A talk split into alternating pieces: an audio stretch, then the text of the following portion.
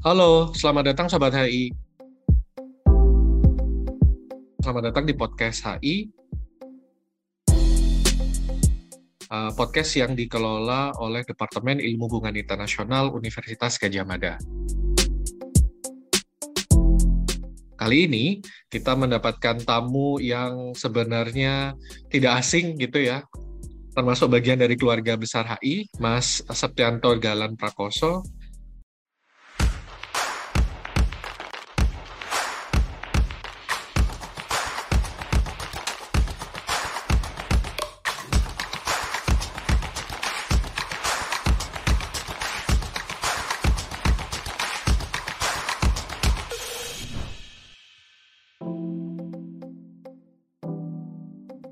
Mas Galan ini lulusan HI UGM yang kemudian sekarang menjadi pengajar di Universitas 11 Maret Surakarta dan sekarang sedang uh, studi di uh, Taiwan, lebih tepatnya di National Sun Yat-sen University di Kaohsiung, Taiwan. Halo Mas Galan, selamat Halo. datang di podcast HI. Halo Mas Randi, Terima kasih atas undangannya. Sangat senang sekali saya bisa berjumpa-berjumpa dengan senior-senior saya yang luar biasa ini di podcast HI. Eh, uh, Mas Galan, ini uh, menurut saya pas sekali kita mengajak bicara Mas Galan karena satu sisi Mas Galan uh, menekuni studi Asia begitu, di sisi yang lain juga pas juga sedang belajar di Taiwan begitu. Ini uh, salah satu isu yang berkembang akhir-akhir ini kan yang dan, dan lagi marak itu adalah invasi Rusia ke Ukraina, gitu ya. Kita sudah hidup dalam masa yang cukup lama uh, negara besar itu uh, membayangkan kondisi-kondisi yang stabil, kondisi yang damai gitu, tapi tampaknya sekarang mulai ada perubahan begitu ya. Negara-negara besar, global power gitu, dalam kasus ini misalkan Rusia tidak lagi restrain begitu alih-alih itu malah mengembangkan uh, paradigma irredentisme gitu ya membayangkan bahwa Rusia harusnya bisa menyelamatkan quote menyelamatkan uh, wilayah dulu yang menjadi bagian dari uh, Rusia gitu ya. Nah, di Asia Timur kondisi ini sebenarnya juga uh, mau tidak mau kita bisa katakan tidak asing gitu ya. Ada risiko uh, munculnya great power yang punya kecenderungan irredentisme gitu. Kalau kita lihat setidaknya dalam relasi antara Cina dan Taiwan secara spesifik. Apalagi kalau kita lihat uh, Presiden Xi, Presiden uh, Republik Rakyat Cina di tahun 2021 uh, sudah mengutarakan berkali-kali sebenarnya mengutarakan uh, pentingnya reunifikasi Taiwan begitu ya uh, pentingnya mengembalikan dalam perspektif uh, People's Republic of China, pentingnya mengembalikan uh, Taiwan ke ibu pertiwi begitu. Dan di sisi yang lain tentu saja ini menjadi tantangan tersendiri bagi eksistensi Taiwan. Nah, menurut Mas Galan sendiri, kondisi ini sebenarnya seperti apa sih? Baik, terima kasih Mas Randi. Ya, tadi sesuai dengan poin yang disampaikan Mas Randi, memang benar kalau kita melihat ada fenomena gitu ya. Ada ada kejadian atau event dengan invasi Rusia ke Ukraina tempoh hari juga memantik kekhawatiran yang sama. Begitu mungkin bagi sebagian pihak terkait status Taiwan terhadap Tiongkok begitu. Dalam artian apakah bisa menjadi satu hal yang berulang? Atau memang sebenarnya tidak berkaitan sama sekali begitu. Ya begini. Kalau dari hal yang mungkin bisa saya amati di sini. Jadi ini saya akan berbicara sesuai dengan apa yang uh, saya observasi di lapangan gitu sih, yang terjadi Taiwan sendiri. Yang pertama, kalau kita bicara soal kekhawatiran terkait invasi dari mainland ke sini, itu pasti tidak apa namanya tidak bisa kita pungkiri pasti ada. Jadi kemungkinan itu pasti ada. Yang terjadi permasalahan adalah seberapa tinggi atau seberapa besar ya kekhawatiran itu ada dalam diri masing-masing warga Taiwan. Karena tentunya ada tiga generasi di sini kalau kita bisa, bisa pisahkan begitu ada golongan orang tua yang dalam tanda kutip mungkin uh, hidup atau masih kecil ketika apa perpindahan dari kaum nasionalis menyeberang ke pulau ini itu terjadi. Jadi sekitar setelah kemerdekaan PRC setelah tahun 49 itu mereka masih kecil atau sudah mengalami itu. Kemudian middle age yang memang bagian dari sebagian generasi X dan juga sebagian besar generasi Y yang sudah produktif, punya anak dan sebagainya. Dan juga adalah young age. Jadi anak-anak yang sudah dengan internet, anak muda begitu, itu mereka memiliki pandangan masing-masing terkait hal ini. Dalam konteks efek dari invasi Ukraina, kekhawatiran dapat dikatakan meningkat. Tapi yang justru menjadi efek samping adalah muncul kemungkinan-kemungkinan yang kemudian menjadikan Taiwan lebih pede. Kenapa pede?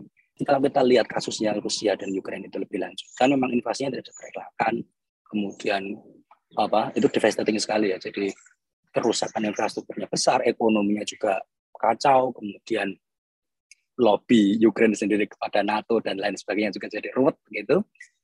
Taiwan malah melihat ada semacam poin plus yang mereka miliki kalau membandingkan kasusnya dengan Rusia Ukraina.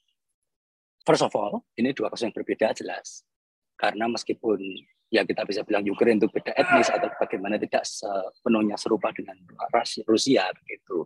Kalau di sini juga majority Han, Han Chinese kan sama-sama etnis Han, meskipun bahasanya yang satu simplified, yang satu tradisional begitu, di sini tradisional. Kalau di Tiongkok di mainland itu simplified. Meskipun tingkat yang berbeda, Taiwan menyadari ada poin plus. Poin plusnya apa? Beberapa faktor yang sangat signifikan yang kemudian membuat Taiwan merasa pede ada tiga faktor. Yang pertama adalah faktor fisik. Faktor fisik dalam artian secara geografis pastinya. Rusia menyerang Ukraina sat set bat bet gitu ya, mak bedunduk begitu dalam bahasa gaulnya anak UGM mungkin, mak bedunduk ujuk-ujuk begitu, langsung bisa. Kenapa? Karena ya nyebrang aja selesai. Mau dari tiga arah, dari Crimea, dari Belarus, dari perbatasan Rusia sendiri, bubar jalan gitu kan. Kalau sebelah dalam artian mainland itu mau merencanakan sesuatu yang bikin ronteran-ronteran di sini atau bikin heboh di sini atau menyerang invasi langsung, mereka harus menghadapi benteng alami berupa selat, selat Taiwan sendiri laut. Dan kalau kita bicara masalah strategis, kita bicara masalah keamanan, security, akan sangat berisiko sekali ketika ada armada kapal, misalnya kapal induk atau kapal destroyer, atau armada, intinya armada, armada kapal apa pun lah, kapal-kapal militer apa pun dari China yang ingin menyerang ke sini via laut. Karena laut itu sudah dijaga luar biasa oleh Taiwan. Baik itu dari sistem anti rudal anti kapalnya, misilnya begitu. Kemudian juga kanon-kanon meriam-meriam di pantai gitu kan. Itu standby. Jadi baru mau kelihatan berangkat aja gitu kan. Langsung, yuk kita berangkat nyebrang wer ya. Nggak ada berapa menit sudah pada tembakan meriam pasti terjadi. Gitu. Meskipun tidak bisa dipungkiri pasti juga ada serangan dari udara dan lain sebagainya.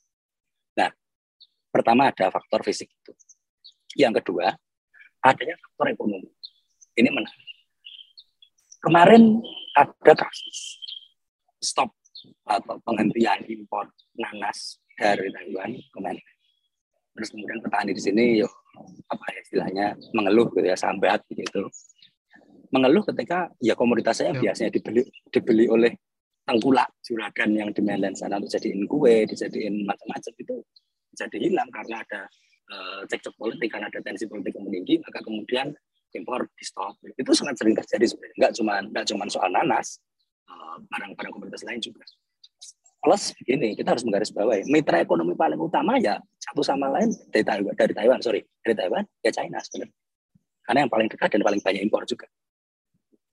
Ini menjadikan situasi ketika kemudian perang terjadi, China pasti kehilangan sebagian juga komoditas yang bisa mereka dapat dari Taiwan gitu kan pastinya meskipun ya kan akan bakal dikuasai tapi kan nggak semudah itu itu baru ngomong soal nanas. Belum kita ngomong soal semikonduktor gitu kan. yang bahkan sampai sekarang China pun belum bisa mendirikan perusahaan yang selevel dengan Taiwan Semiconductor Manufacturing Company. Ya TSMC lah. Kalau dalam bahasa sini namanya Tai Taijitian itu orang-orang sering banget bilang Tai Tai Taijitian kebanggaan mereka sumber duit itu.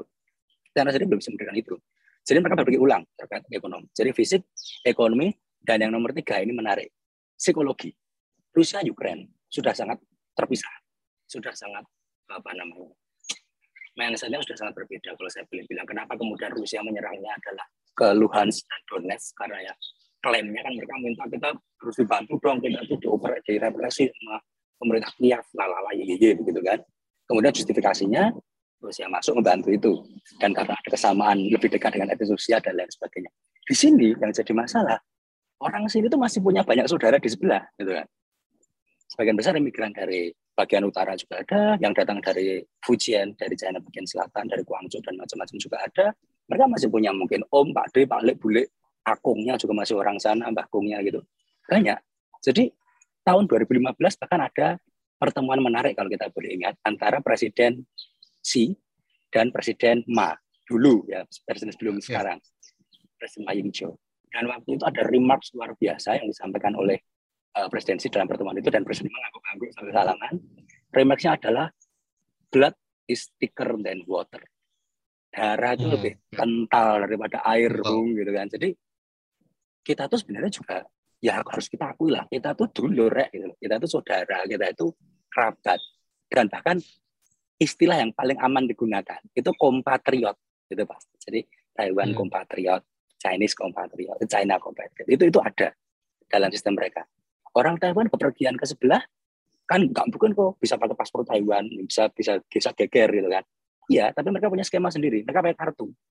Jadi semacam kartu ID pengenal begitu yang kemudian digunakan untuk identifikasi sebelum naik pesawat terus dicetak di bandara selesai. Itu bahkan istilahnya lebih mudah ya lebih integrated daripada foreigner atau saya misalnya temporary resident gitu kan.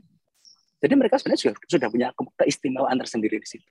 Mindsetnya tuh masih ya kita sama-sama ini. Jadi kalau kemungkinan kekhawatiran terjadi, kekhawatiran besar itu terjadi, tidak setinggi itu. Tapi ada. Nah, intensitasnya antara tiga generasi ini berbeda. Untuk yang generasi tua, itu mereka tidak lebih cenderung tidak percaya akan adanya invasi atau perang. Karena mereka masih percaya ya status quo. Middle age terpecah dua ada yang bilang ini juga ancaman naik ini threat rising. Ada yang bilang enggak ini pasti status quo. Kalau anak-anak muda karena mungkin lebih banyak membaca media luar atau baca-baca ide-ide soal demokrasi dan sebagainya independence itu kata yang sangat penting bagi mereka.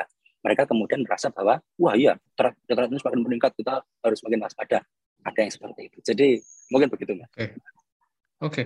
menarik mas ya. Berarti uh, mas Galan berarti ada banyak faktor yang sebenarnya kita bisa bayangkan bahwa likelihood gitu ya kemungkinan bentuk invasi fisik seperti itu mungkin agak kecil gitu ya, dibandingkan kondisi satil ini di uh, Ukraina gitu ya. Karena tadi ada alasan uh, geografis, keterkaitan ekonomi dan psikologi gitu. Uh, menarik nih, um, um, saya ingin menelusuri lagi ini uh, faktor psikologi yang tadi ditekankan oleh Mas Galan, uh, bahwa kemudian ada relasi yang dekat gitu ya di antara uh, mainland gitu PRC People's Republic of China dengan ROC gitu uh, pemerintahan Cina di Taiwan. Cuman kalau kita lihat uh, dalam kasus yang agak mirip relasi Hong Kong misalkan kita lihat di Hong Kong itu makin ketika semakin dekat gitu ya semakin dekat dan pengaruh mainland gitu ya People's Republic of China makin kuat kita lihat uh, kenyataannya ekonomi betul masih jalan gitu, tapi ruang publik gitu ya itu kan berkurang betul gitu, berkurang betul. Nah, apakah kondisi seperti ini, baik kondisi Hong Kong maupun kemudian Ukraina itu e, berpengaruh pada peta politik domestik gitu. Misalkan saya nggak tahu nih, di Taiwan kan saya dengar setidaknya selalu kan selalu ada kutub ya, kutub yang pengen reunifikasi gitu, ada juga kutub yang ingin uh, merdeka begitu. Nah, apakah kondisi Hong Kong dan Ukraina ini mempengaruhi politik uh, domestik Taiwan, Mas Gala? Ya, ya Mas Randi. Yang disampaikan Mas Randi, saya sangat bisa ini, sangat bisa relate dengan apa yang kemudian terjadi di sini. Meskipun mungkin di permukaan tidak tampak. Sebenarnya kalau boleh dibilang, kemenangan dari incumbent Presiden, uh, Madam Presiden Tsai Ing-wen pada tahun 2016 dan tahun 2020 kemarin, itu juga terkait dengan hal tersebut. Kesadaran banyak orang untuk lebih memperjuangkan isu independence gitu kan. Dan memang motor penggeraknya konon adalah anak muda. Jadi kalau kita bicara partai politik kita bantu kan yang sekarang yang besar dua kutub yang disebut Mas Randi tadi uh, sudah sangat menggambarkan itu diksi paling tepat lah kutub karena memang polaris polaris sekali. Yang satu itu Komintang, yang satu itu DPP Democratic Progressive Party. Nah, dari dua partai ini kita nyebutnya hijau sama biru aja lah. Yang hijau kan sekarang yang menang. Yang hijau ini narasi yang dikeluarkan memang independen dan memang uh, apa namanya Taiwan itu mampu Taiwan itu uh, strong enough to rely on strong enough to be a certain country gitu kan dan should be supported and recognized kan seperti itu amplifikasi dari kasus di Hong Kong. Ini saya bicara Hong Kong dulu, kalau yang Ukraine nanti ada sedikit. Karena Ukraine belum lama banget ya. Tapi kalau Hong Kong, itu saya merasakan efeknya contohnya agak menarik. Kenapa menarik? Karena sampai ke lingkup-lingkup yang sebenarnya harusnya lebih bisa bebas dari politik, itu terkena mas, teribas. Saya masuk kampus 2019. Saya mulai studi di gedung kampus ini. Ini fun fact sedikit, mohon izin gedung ini dulu itu sebelum jadi kampus itu kebun binatang. Jadi uh, digunakan untuk merawat binatang-binatang yang ada di sampai di, sekarang di atas masih ada di atas bukit yang sana itu di atas gunung yang sana itu ada kebun binatang namanya Sosansu namanya. Dulu binatangnya sampai di bawah sini. Sebelum jadi kebun binatang, di sini sempat jadi salah satu ya kita bisa bilang markas atau pos ya markas tentara memang karena ada rumah dinasnya Chiang Kai-shek di sebelah kampus ini yang pernah dipakai juga okay. dan pusat kotanya dekat sama sini di Amazon. Sebelum ya, berkaitan dengan cerita itu, gitu kan, berarti nilai historisnya tinggi. Ketika Hong Kong itu meletus 2019 akhir itu, saya baru beberapa bulan kuliah. Di sini itu luar biasa supportnya. Saya harus salut dengan kesadaran support apa namanya uh, obligasi diri mereka masing-masing untuk menyuarakan demokrasi dan ikut bergabung dalam gerakan itu bahkan dari tempat yang jauh sekalipun sepanjang terowongan. Jadi kan untuk masuk kampus kami itu ada terowongan. Nembus bukit itu. Di terowongan itu semua ada lilin semua dan uh, sekian malam gitu ada dalam seminggu atau dua minggu ada orasi orasi setiap malam. Oleh mahasiswa aktivis profesor. Ada profesor dari Hongkong pas ngajar di ini nggak bisa pulang kembali ke, ke rumahnya sana. Ini menjadi satu hal yang harus dinotis karena berarti kan memang ada semacam rasa kebersamaan. Yaitu togetherness on demokrasi dalam hal ini. Impactnya sampai seperti itu. Dan dan itu dibawa oleh partai politik. Sehingga politik lokal kemudian uh, akan sangat sangat menguntungkan bagi seorang kandidat yang menunjukkan dalam kampanye mereka atau pidato mereka, speech mereka terkait kata-kata seperti demokrasi, seperti Hong Kong, seperti istilahnya kalau mereka mau menjadi warrior of demokrasi dan menunjukkannya secara lantang akan menguntungkan. Paling tidak dalam dua periode pemilu terakhir sih. Itu yang saya lihat. Beranjak ke Ukraina. Nah ini karena mungkin belum lama satu. Jadi saya melihat begini. Momentum invasi itu sempat membuat masyarakat atau mungkin orang-orang yang peduli dan mengikuti media itu kemudian mereka was-was. Kok berani gitu ya. Dan dengan juga bisa jadi risiko. Tapi kemudian akhirnya dikembalikan ke yang tadi Ukraine is not Taiwan. Sehingga dan ini yang menarik. Dan ketika kita bicara Ukraine dan Rusia, posisinya memang Ukraine itu Ukraine sudah negara merdeka dan diakui. Sementara Taiwan dengan status quo-nya sekarang, bahkan mungkin ekonominya lebih baik daripada Ukraine, gitu kan. Sehingga mereka merasa seharusnya ya kita tidak perlu sekhawatir itu, gitu. Kalau saya melihat kekhawatiran ya tadi jelas ada, tapi untuk imbasnya, imbasnya ke politik domestik, saya belum melihat banyak ini. Yang jelas kalau secara simbolik karena memang itu dari ini kebijakan pemerintah misalnya ada festival jadi light festival in Kaohsiung gitu di pelabuhan tiba-tiba keluar lampunya kuning sama biru jebjer kembang apinya okay. ya gitu gitulah jadi semacam okay. untuk message-nya ada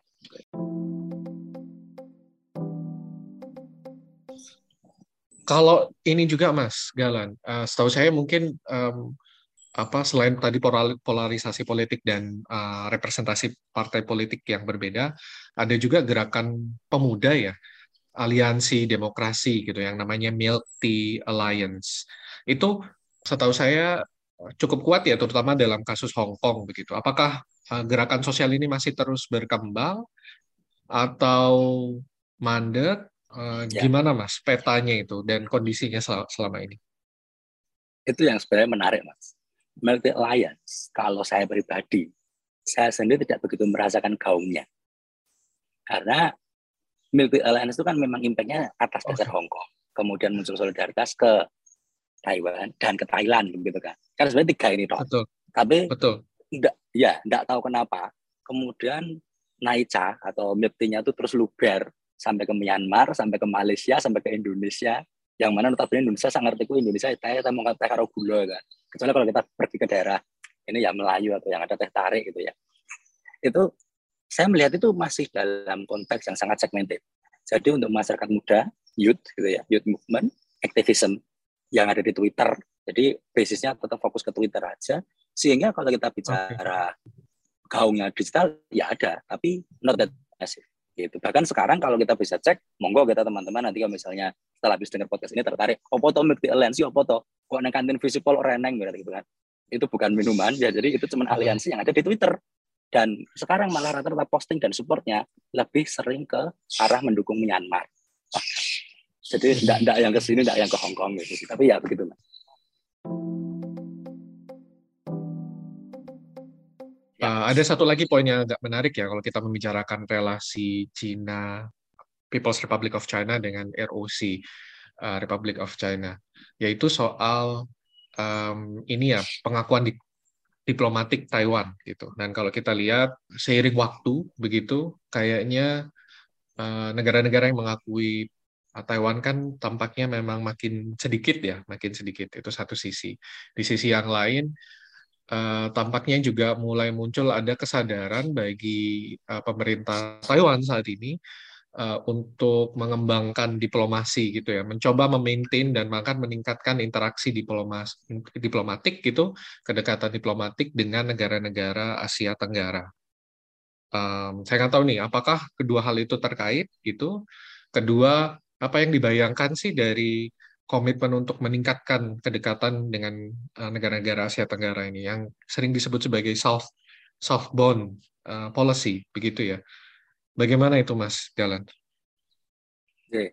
Yang pertama terkait negara yang mengakui Taiwan itu kan sebenarnya efeknya dampak langsung dari baik dari public diplomacy maupun software diplomacy gitu ya. Kalau kita bicara software diplomacy masanya Taiwan kok ya sudah agak lewat karena kalau kita paling relate sama software diplomasi itu ya zaman-zaman Meteran Corden dulu itu kan, oh Meteor Garden itu ya. Terus ada drama-dramanya itu, kemudian Efse, terus yeah. paling recent boleh film-filmnya ya, ada Our Time, Your the Apple of My Eye, terus paling baru di Netflix itu Incantation itu barusan itu. Iya, Tapi Incantation itu, mas. Ya, horor dan tuh beberapa eventnya di Kaohsiung mas, jadi emang untuk kuda-kuda di sini dem itu bisa enggak tahu, tapi ya udahlah. Tapi dalam bagian itu, dalam bagian itu, kita dapat mengatakan software Taiwan sudah kalah lah. Meskipun mungkin kalau dibilang lebih dikenal dibanding software dari mainland sendiri masih menang Taiwan gitu kan. Karena lebih pop, lebih mudah dicerna. Penyanyi yang dari Taiwan juga lebih banyak. Pere Sateng orang Taiwan dari zaman 60-an dulu. Kemudian tahun 90 ada Jilin, sampai sekarang ada Jejo, macam-macam. Tapi ya tersapu sama Hallyu, wave-nya Korea Selatan. Jadi soft power nggak begitu. Lah, public diplomacy, public diplomacy yang dilakukan sebagai magnet lah, magnet penarik dari negara-negara yang mengakui ini supaya bisa makin banyak. Saya juga boleh mengatakan agak decline. Karena sekarang mereka Taiwan ini mungkin sangat fokus terkait isu keamanan dan juga isu uh, perekonomian dengan negara-negara yang proximity-nya lebih dekat. Karena ya, ya lagi-lagi kembali ke status tadi, Belanda mengakui pun masih bisa kerja sama ekonomi kok. Gitu. Kita juga punya KDI, Taiwan punya TETO di Indonesia, Amerika punya American Service Office di Taipei, tidak masalah. Jadi nggak mengakui pun, ya masih dapat duit, masih bisa kerjasama. Dan kalau kita cek 13, 15, 13 negara yang mengakui Taiwan sekarang, itu bahkan majority kan negara-negara ini, Oceania, sama negara Karibia. Dan itu pun yang mohon maaf, meskipun mereka ya tetap punya suatu suara di sidang umum PBB, tapi secara power dan eksistensi di international affairs kan ya kurang. Ada satu cerita menarik mas, saya izin untuk share. Ini juga karena saya tahu orangnya dan kasihan. Jadi saya punya teman, teman sepermainan bukan. Jadi saya ada teman di sini. Uh, dia dari Solomon Island. Dia dari Solomon Island, negara Oceania itu. Dari suatu hari yang cerah ketika dia berkuliah di sini, dia dapat email dari kedutaan negara dia di sini. Karena dia mengakui negara sebelumnya. Bahwa mulai tanggal itu, Solomon Island tidak mengakui Taiwan sebagai negara. Mereka mengakui mainland. Yang yang membuat dia langsung kebakaran jenggot, kebakaran rambut, kebakaran mana-mana lah. Karena semua dokumen paspor dia, visa dia, izin tinggal dia harus diproses ulang dari nol. Bahkan sama uh, pihak imigrasi dari Taiwan sini, Anda harus keluar dulu dari negara Taiwan nanti masuknya proses visa, izin apply visa baru baru kemudian bisa kita proses. Karena kalau enggak kita harus kamu harus ada deportasi sekarang. Karena kamu bukan bukan ini bukan person in subject. Kamu enggak mengakui ini dan kamu enggak punya kartu tanda penduduk sementara. Kamu masuknya via visa biasa. Nah, ini yang pusing sekali.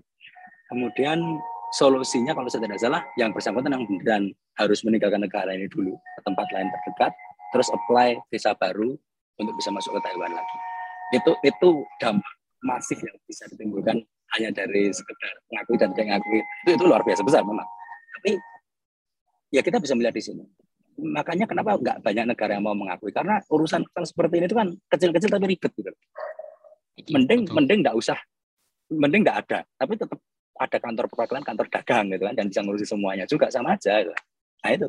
Seperti ini juga. Itu yang pertama pengakuan tadi. Jadi masalah ini yang jadi yang jadi masalah bagi Taiwan dalam mereka mereka mengatakan negara-negara di dunia mulai semakin menyepelekan lah. Semakin dalam artian Allah rasa ngakoni enggak apa-apa atau enggak usah ngakuin enggak apa-apa wong ya enggak ngakuin itu tetap bisa bisnis. Ibaratnya gitu. Itu yang sebenarnya ingin dihilangkan stigmanya oleh Taiwan. Yang pertama. Yang kedua yang terkait dengan New Southbound tadi. Ini mas New Southbound itu ini saya tanya saja apakah anda merasa keberadaan Taiwan di sekitar anda dalam waktu enam tahun terakhir? Kalau Mas Radi nggak ada. Mas Rum Mas Rum ada? Ada ada. Lebih banyak kegiatan yang apa eh, kolaborasi yang dilakukan antara universitas-universitas di Taiwan dengan UGM ya dan universitas-universitas di Indonesia. Terima kasih Mas jawabannya dan teman-teman juga kalau merasakan oh iya saya beli peneliti dibuka metin Taiwan itu mungkin oh iya karena emang dulu mereka barang ekspornya itu sebelum jadi semikonduktor peneliti pulpen mainan kecil-kecil gitu. Tapi sepeda itu yang paling jos.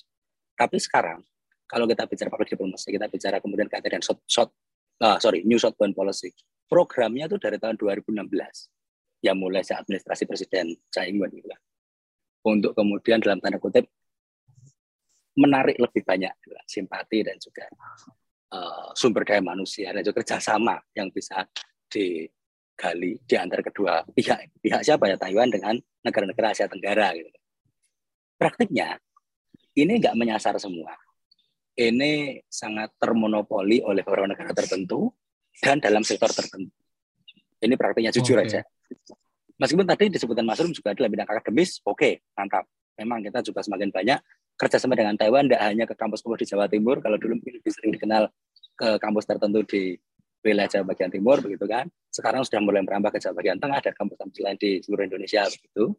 Tapi tetap sektor utama tenaga kerja, karena tenaga kerja Indonesia itu salah satu yang porsinya paling besar di sini bahkan mungkin yang paling besar ya kalau saya nggak salah yang di yang di sektor pekerja sih. Kemudian selain tenaga kerja ada juga investasi sendiri tapi dari satu arah dari Taiwan ke Indonesia. Kita mungkin nggak sadar ada perusahaan Taiwan yang invest di sekitar kita gitu kan. Karena emang tidak sebesar itu uh, exposure-nya gitu kan dibandingkan mungkin perusahaan mm -hmm. Tiongkok yang pekerjanya langsung datang dari sana.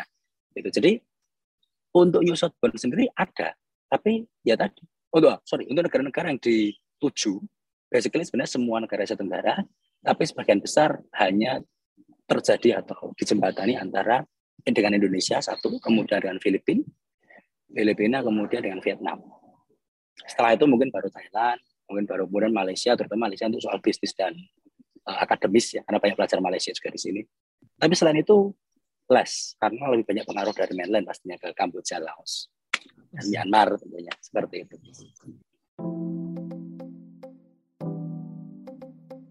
Proyeksi ke depannya bagaimana, Mas? Apakah kemudian memang satu saya kurang tahu secara detail ya, ini tujuannya apa? Apakah memang hanya untuk meningkatkan uh, investasi begitu atau ada arah hmm. besar begitu ya dari pemerintah Taiwan itu satu, kedua menurut Mas Galan proyeksi ke depannya seperti apa dari hubungan relasi antara Taiwan dan Asia Tenggara ini? Kalau yang menjadi concern paling utama sebenarnya tagline-nya itu adalah mempromosikan kerjasama. Jadi mempromosikan kerjasama pastinya kita bilang kerjasama berarti ekonomi lah ya, jual beli trade. Gitu. Jadi antara investasi, antara bisnis, antara ekspor impor itu akan yang, yang akan dituju sebenarnya. Tapi kemudian yang kita tunggu proyeksi yang sebenarnya juga harus kita sama-sama lihat. Ini mungkin saya lebih mohon izin untuk kemudian menambahkan ya. Jadi selain proyeksi kita harus cek potensi, proyeksi untuk potensi. Karena begini, yang disasar untuk selanjutnya proyeksi itu adalah open access market di Taiwan terkait komoditas barang-barang dari Asia Tenggara. Ada. Selama ini ada Indomie sudah saya, bisa saya beli di sini. Indomie terus barang-barang Indonesia lah, Insto, eh saya sebut merek apa ya, maaf. Dan produk yang lain itu bisa saya beli di sini nggak masalah. Gitu. Tapi yang jadi problem adalah itu hanya disuplai atau diimpor oleh pihak-pihak tertentu yang memang ya punya izin yang memang mau ngurus begitu belum sebebas misalnya produk mohon maaf produk mainland yang di Indonesia misalnya. Batik cap yang di Malioboro aja ada yang printingnya di Cina itu kan luar biasa nah di Taiwan itu harusnya kan uh, Taiwan juga memikir hal seperti itu. Produk Taiwan bisa langsung masuk open marketnya di Indonesia. Like literally open di pasar tradisional pun bisa ada. Karena kan agak jarang ya karena produknya sangat segmented tadi. Dan juga dan sebaliknya produk dari Indonesia bisa masuk ke sini lebih lebih lebih leluasa juga selama ini kita sering terhambat yaitu shipping, kemudian cukai, kemudian pajak, ekspor impor, pembatasan terkait aturan-aturan dan macam-macam. Nah itu yang pengen dikikis tahap demi tahap itu kan, tahap demi tahap. Cuma sampai sekarang kok ya kebijakannya udah udah enam tahun itu kan masa jabatan presiden empat tahun kali dua, delapan tahun maksimal itu ya belum belum banget impactnya belum terasa apakah masih sama kayak lima tahun lalu katanya. Jadi ya itu belum tahu itu. Uh, terima kasih Mas Galan atas waktu dan asesmennya. Saya rasa menarik ya. Mari kita lihat uh, terus hubungan Asia Tenggara dengan Taiwan. Semoga lancar studinya Mas Galan eh, di Taiwan sana. Mas. Terima kasih sudah hadir dan berbagi cerita dalam podcast HI. Sampai jumpa.